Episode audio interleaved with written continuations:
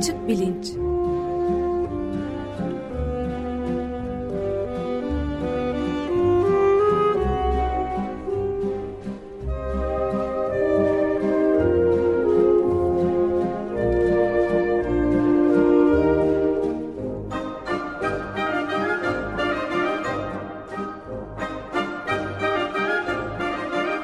Güven Güzeldere ile bilim ve felsefe sohbetleri.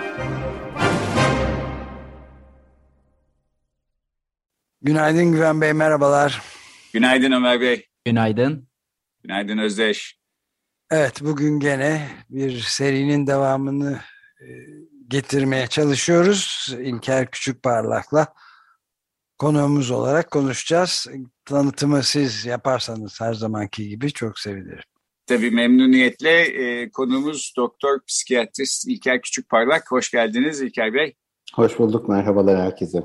Merhaba, hoş geldiniz.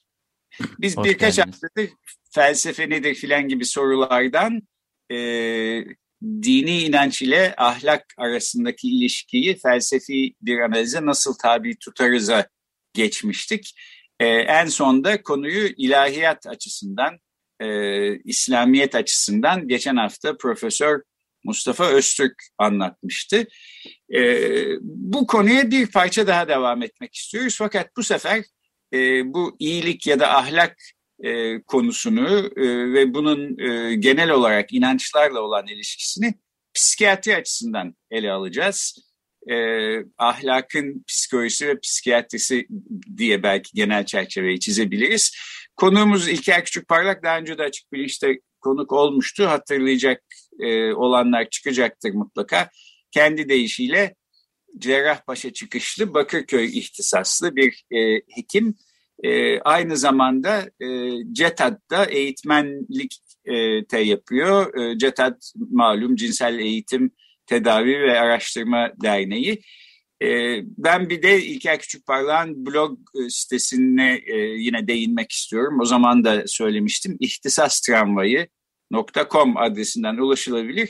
Burada e, rakı adabından evrimsel biyolojiye, e, sağlıkta e, şiddetten e, popüler kültüre kadar pek çok alanda e, benim çok öngörülü bulduğum, severek okuduğum yazılar var. E, linkini de bu programın duyurusunda zaten Twitter üzerinden paylaştım. Oradan kolayca bulunabilir.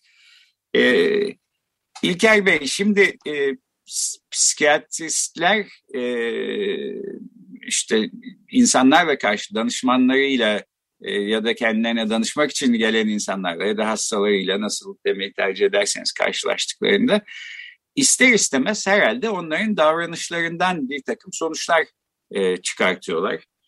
E, Mustafa Öztürk Hoca'nın geçen hafta anlattıklarından benim yeni öğrendiğim ve aklımda kalan noktalardan bir tanesi İslamiyet'in ilk döneminde e, iman ile amelin ayrılmış olması ya da öyle bir yaklaşımın benimsenmiş olması. Bu tabii aslında çok çağdaş bir e, tartışmanın da bir başka şekli e, diye düşünebiliriz. İşte 20. yüzyılda en baskın psikoloji e, düşünce okulu olan davranışçılıkta tam bunu e, tartışmaya çalışıyordu. Yani bizim içimizde olan, içimizde yaşadığımız zihinsel tecrübelerimizi dışsal, davranışsal terimlerle açıklayabilir miyiz ya da ne kadarını açıklayabiliriz? Davranışçılar hepsini açıklayabiliriz diyordular. E, doğru olmadığı e, genel kabul gördü e, bugün filan. Fakat bunun tam tersi de biraz acayip. Yani amelle imanın tamamen birbirinden bağımsız olması ya da içimizde olan bitenle dışımızdaki davranışların ifade ettiğimiz e, içimizdekilerin yansıması gibi gördüğümüz şeylerin aslında birbirinden tamamen farklı olabileceği de e, kabul edilmesi kolay bir iddia değil. Siz de herhalde pratik olarak tahmin ederim ki işte karşınıza ne bileyim obsesif kompulsif e, sendromdan e, muzdarip bir kişi geldiği zaman bu kişinin ne dediğine, kendi içsel dünyasını nasıl aktardığına baktığınız kadar onun davranışlarına, neler yaptığına filan da bakıyor olmalısınız. Biraz böyle buradan da yola çıkarak şu iyilik meselesini psikiyatrik bir çerçevede ele alabilir miyiz? Elbette tarif ettiğiniz gibi aslında temel bir dikotomi üzerinden e, bu konu tartışılabilir. Nedir o? Kişinin aklından, zihninden neler geçiyor, arzuları ne, neyi istiyor, duyguları neye dönük ve davranışsal çıktısı ne? Bütün bu içeride olup bitenin. Şimdi biraz böyle somutlaştırmak adına e, iman, amel meselesi ya da duygular ve davranışlar meselesi. Şöyle bir örnek üzerinden gidebiliriz. Örneğin e, diyelim işte ilkokul çağındaki çocuğunuz geldi size dedi ki e, anne baba e, benim hiç de sevmediğim bir arkadaşım var ve bir kalem kutusu almış ve o kadar da güzel ki bu kalem kutusu e, bende yok e, o kalem kutusundan e, sınıfta kimse yoktu aslında çantama koymayı çok istedim hatta o üzülsün de istedim hani kalem kutusunu kaybedince ama sonra bunu yapmanın doğru olmadığını düşündüm ve yapmaktan vazgeçtim. Şimdi bana kalsa mesela çok ben mutlu olurum çocuğum böyle bir şey söylerse. Evet bir şeyler istemiş, yani onu dürten bir takım duygular olmuş. Ama e, bir davranışını başka şekilde do- kendisine doğru gelen biçimde yönetmeyi tercih etmiş. E, bu e, durum aslında sadece e, e, davranışçı ekolü değil, psikolojinin bütününü neredeyse ilgilendiriyor ve e, Freud'un öne sürdüğü bilinç dışı kavramı tam olarak aslında buraya işaret ediyor. Yani bir duygunun, bir e, düşüncenin, bir çağrışımın, e, bir arzunun bilinç dışında duruyor olması bilinç düzeyinde buna tahammül etmenin çok olanaklı olmaması ile çok çirkin olduğu için yoksa bilinç dışında rastgele bir takım e, arzular, istekler, duygular, düşünceler durmuyor aslında. E, bireye, e, o özneye çirkin gelen, kabul edilemez, kendisine yakıştıramayacağı, beraber yaşayamayacağı bir takım şeyleri kendisinden de saklamak, kamufle etmek üzere örülmüş olan bir alan bilinç dışı. Dolayısıyla hepimizin içinde aslında çok da hoş olmayan pek çok e, duygu, düşünce, olabilir e, ve fakat bunu neye çeviriyoruz? E, burası önemli bir konu. Şimdi bu e, duygu, düşüncelerin duygu ya da düşünce olduğunu idrak edebiliyor muyuz gibi aslında biraz daha belki evrimsel olarak e, türün gelişimine özgü bir basamak var arada. E, evet biz bir takım e, kişileri örneğin bir imge olarak zihnimizde var edebiliyoruz. E, ben e, ilkokul öğretmenimden bahsedeceksem illaki o kişiyi tam olarak karşımda görüyor olmama gerek yok. Ona dair zihnimde bir tasarım var artık ve onun üzerinden devam edebilirim. Bunlar tamam ama biz sadece e, kişileri, durumları değil, kendi duygularımızı ve düşüncelerimizi de tasarı olarak zihnimizde var ediyoruz. Çok basit şöyle e, bir örnek verebilirim. Mesela bir şey hatırlayabiliriz, bir de bir şey hatırlayışımızı da hatırlayabiliriz. Yani hatırlamayı hatırlamak, bir şeyle ilgili düşünüyor olmaya dair düşünmek. E, bu çocuğun kalem kutusunu e, gizlice çalmayı düşünen ben. E, bu düşünceye dair düşünmek gibi meto, metakognisyon, üst biliş denen e, ayrı bir kapasitemiz var ve işler biraz burada karışıyor aslında. Bu üst bilişe sahip olmakla karışıyor. E, belki e, şeyin sohbetin sonuna doğru bu üst bilişin bir ucundan e, dindarlıkla ya da dini inanışlarla da bir ilişkisi var. Oraya da değinme fırsatı buluruz diye umuyorum. Ama bu üst biliş yani bir şeyi düşünüyor olduğumuzu biliyor olmak, hatırlıyor olmak, farkında olmak, o düşünceye dair düşünme yeteneği, evet bir taraftan yetenek ama insan evrimindeki pek çok unsur gibi hem bir yetenek, lütuf hem de bir lanet olarak karşımıza çıkıyor. E, bunun laneti nereden geliyor? Tam da işte tartışmaya başladığımız yerden bunu düşünen ben kötü biri miyim şeklinde. E, literatürde bu düşünce eylem birleşmesi, kaynaşması, thought, e, action fusion olarak adlandırılan bir kavram. E, bunu bir bir şey düşünüyor olmanın kendisi kötücül bir eylemdir diye özetleyebileceğimiz bir durum. Yani bunun bir eyleme dönüşmesine gerek olmadan bu, bunu düşünüyor olmanın, bunu arzu ediyor olmanın kendisi kötücül bir eylemdir diye e, farklı yerlerde karşımıza çıkabiliyor ve insanın e, yaşamını çok zora sokabiliyor. En sık karşılaştığımız durum obsesif kompulsif bozukluk. E, hemen hemen her alt türünde aslında görülebiliyor ama bazı e, düşünce obsesyonları dediğimiz bir kavram var aslında O da şu, e, yine benzer şekilde özellikle cinsel, dinsel ve saldırganlık temalı e, olarak belirebiliyor. Böyle bir üç tane alt kümesi var. E, örneğin bir kişi ibadet ederken e, o kutsal figürlere, Tanrı'ya ya da peygambere ya da diğer kutsal figürlere ilişkin uygunsuz düşünceler, onların örneğin e, cinsel yaşamına dair bir takım imgeler e, ya da bir takım sözcükler, cümleler, küfür e, barındıran e, şeyler aklına gelebiliyor ve e, aslında bu tür intruzif düşünce, geri veren düşünceler e, toplumun hemen hemen hepsinde görülüyor olmasına rağmen bundan ileri derecede rahatsızlık duyan, buna tahammül edemeyen kişiler bu düşünceleri bastırmaya çalıştıkları için e, bastırmaya çalışmak demek yani ben bunu düşünmeyeceğim demek aslında o konuyla ilgili düşünmeye devam etmek, o konudan çıkamamak demek bir anlamda. Dolayısıyla bir tür patinaj yaşamaya başlıyorlar. E, böyle biraz hani şey çok çok eziyete dönebildi ve insanlar bunu çok dillendiremedikleri için hani orayı biraz bir tanıtmak isterim müsaadeniz varsa çok kısa bir dakika içerisinde. Evet tabii buyurun. Bir tanesi bu dinsel obsesyonlar, diğeri e, cinsel obsesyonlar. E, ya birine uygunsuz bir sarkıntılık edersem, bu bazen mesela uygunsuz bir şekilde bakmaya başlarsam, işte dekoltesine e, gözüm takılırsa vesaire gibi başlıklar içerisinden de bütün konsantrasyonu bozan, e, o e, sohbetin ya da o durum neyse onun doğal akışını bozan ve yaşam kalitesini çok düşürebilen bir durum oluşabiliyor.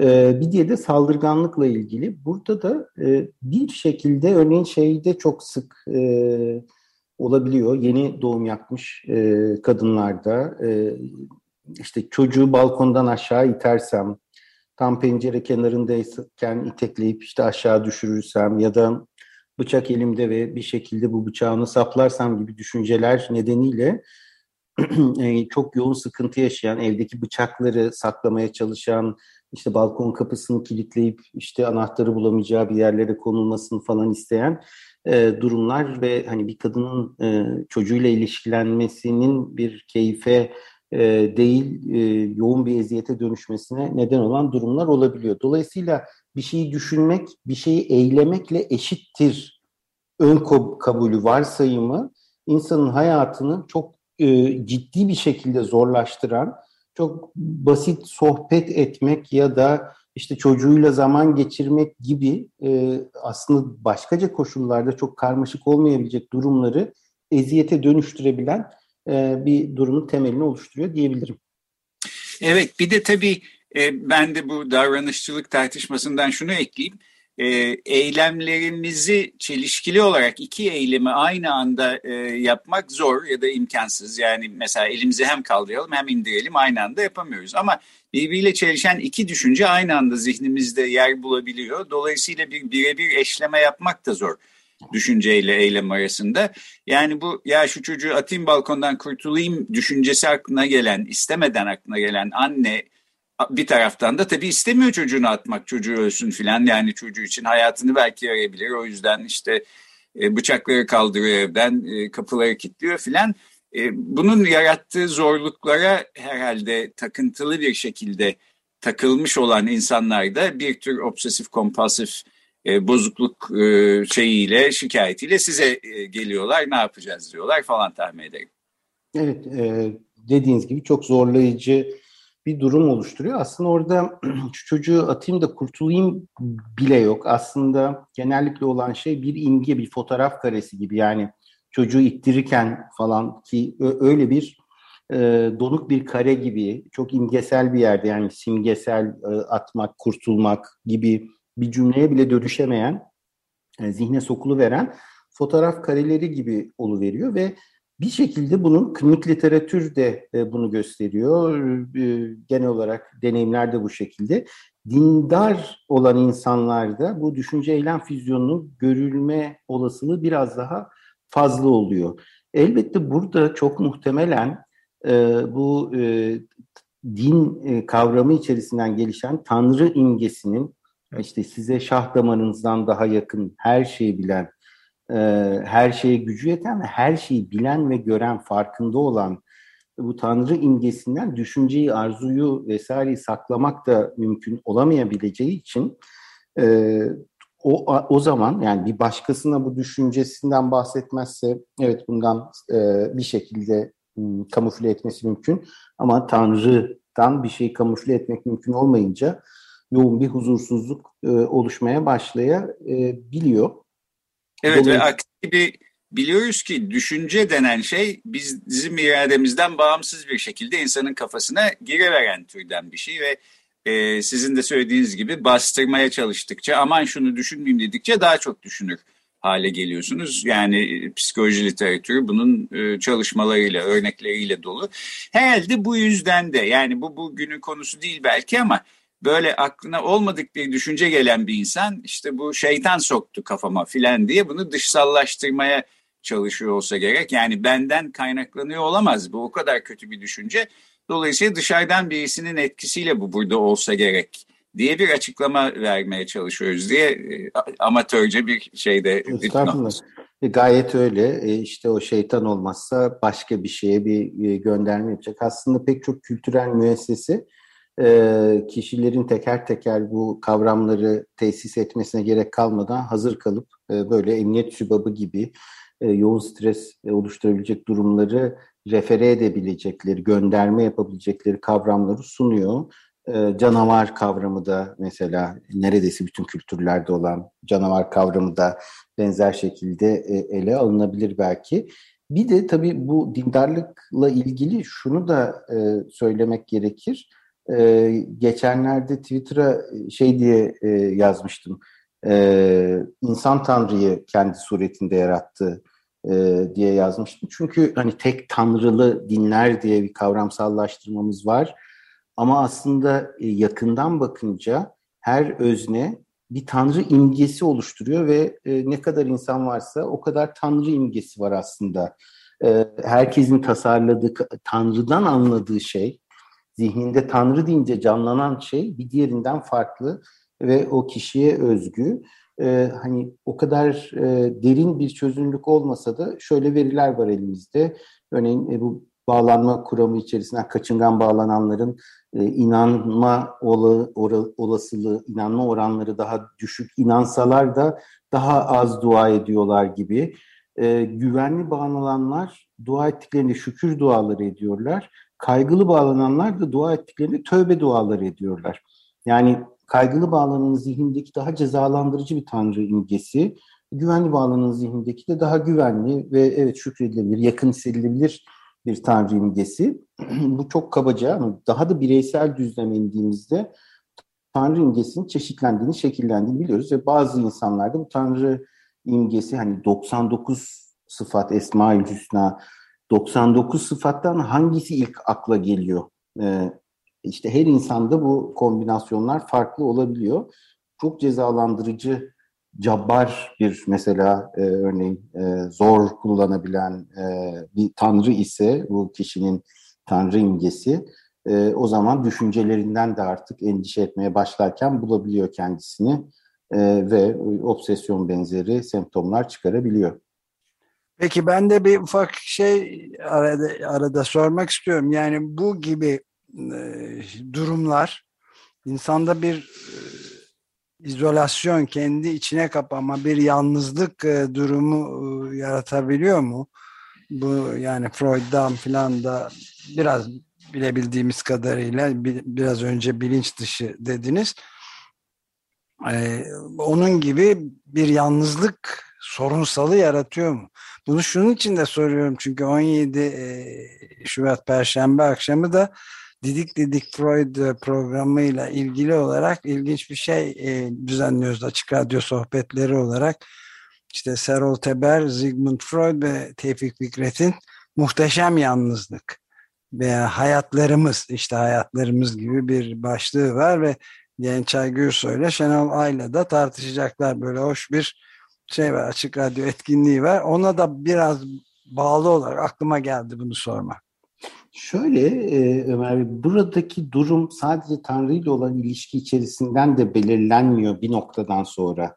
Yani e, işte küffar, kendini artık e, küfür eden, e, sapık, e, garip, uygunsuz vesaire biri olarak tanımlamaya başlayınca bu kişi dini obsesyonlar ya da saldırganlıkla ilgili obsesyonlar ya da cinsel obsesyonlarda e, artık o diğerleri hani insan içine çıkacak yüzün yok diye çok iyi bir tabir var. Durum çok net tarif ediyor. O diğer insanların bu durumdan haberin olup olmadığına dair e, bunun elbette bir derece kadar önemi vardır ama tamamen bu belirlemeyebilir.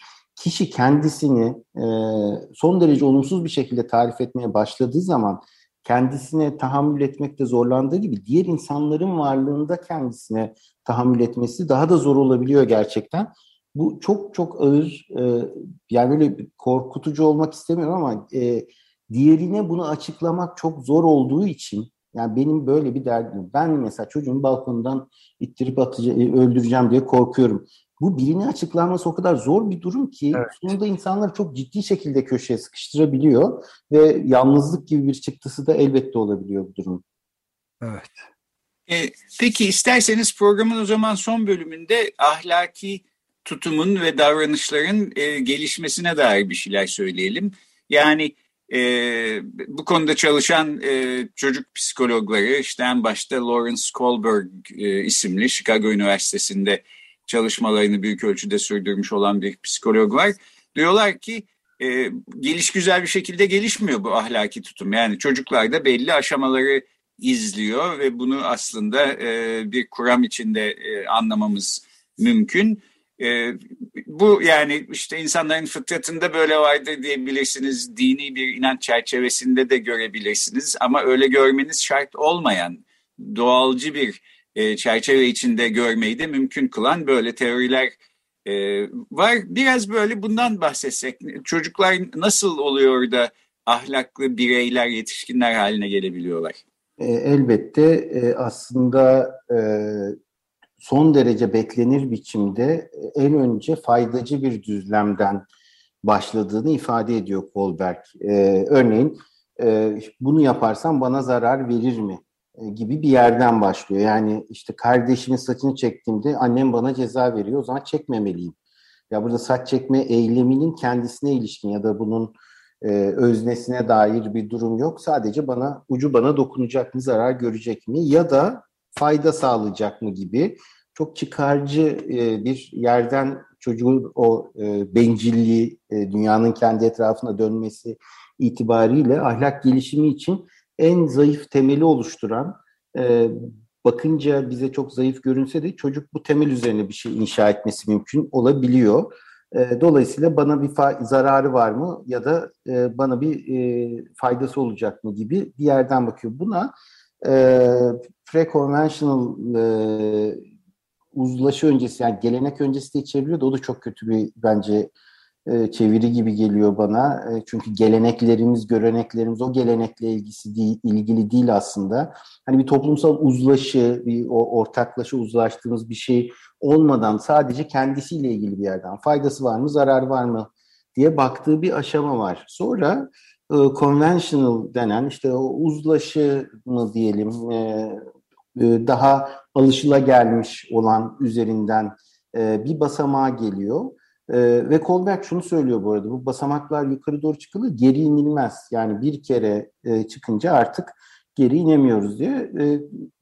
Conventional dediği ikinci seviye aslında toplumsal normlar ya da kanunlar üzerinden gerçekleşiyor ve post konvansiyonel nel aşama da artık bunları da aşan yani kanun ne derse desin örneğin e, işte insanların temel hakları vardır ve bu benim davranışım kanun açısından şöyle olsa da benim e, kendi değerlendirmeme göre evrensel insan hakları açısından ben bu durumu buraya dahil ediyorum diye artık o e, şeyi de toplumsal normları da aşan bir e, ahlak inşa etme durumundan bahsedebiliriz.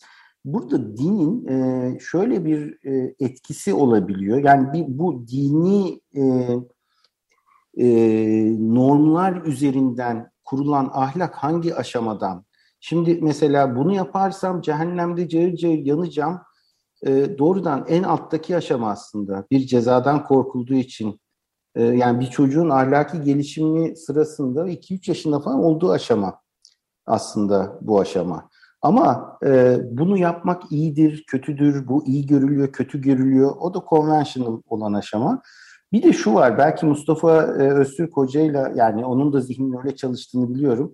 E, teolojik bir zeminden ele alınıyor olsa da konu, ya bu kural böyle geldiyse bunun yani bir tüme varım, bu niye böyle gelmiş? Temel olarak ortaklaşa bu kurallar bütününden amaçlanan şey ne? Burada ne oluyor? Ve ben ona göre bu sefer bu yeni durum için bir çıkarsama yapabilir miyim?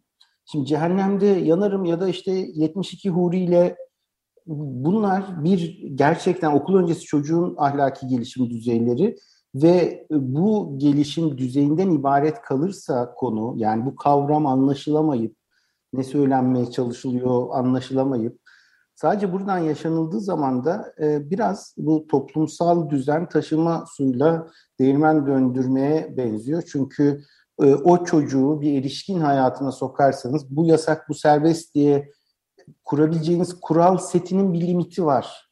Ve onun dışına kaçmanın bir yolunu illaki bulacak. Ona çocuğa kavramları anlatmayı e, ve sonra kendi kavramlarını da oluşturmasını sağlamamız gibi bir şey gerekiyor. Toplumsal boyutuyla da e, böyle görünüyor bana diyebilirim. Evet. Bu da pedagoji boyutu. evet yani çok boyutlu bir e, durumla karşı karşıyayız sahiden. Dolayısıyla işte felsefeden e, ilahiyata, psikolojiden psikiyatriye pek çok alanda insanların ortaklaşa bir fikir üretmesi gereken bir e, konu olduğu açık. E, peki zamanımızın sonuna geldik. Böylece e, bitirelim izninizle. Bugün e, konuğumuz e, psikiyatrist doktor İlker Küçükparlak'tı. E, ahlakın psikolojisi ve psikiyatrisi diye niteleyebileceğimiz bir çerçeve içinde e, dini inanç ahlak e, ilişkisi meselesine devam ettik ve böylece şimdilik bir noktalı virgül koymuş olalım. Gelecek hafta bambaşka bir konuyla karşınızda olacağız. Çok teşekkür ediyoruz yeniden İlker Bey. Ben Çok teşekkür teşekkürler İlker Küçükparlak. Görüşmek üzere. Hoşçakalın.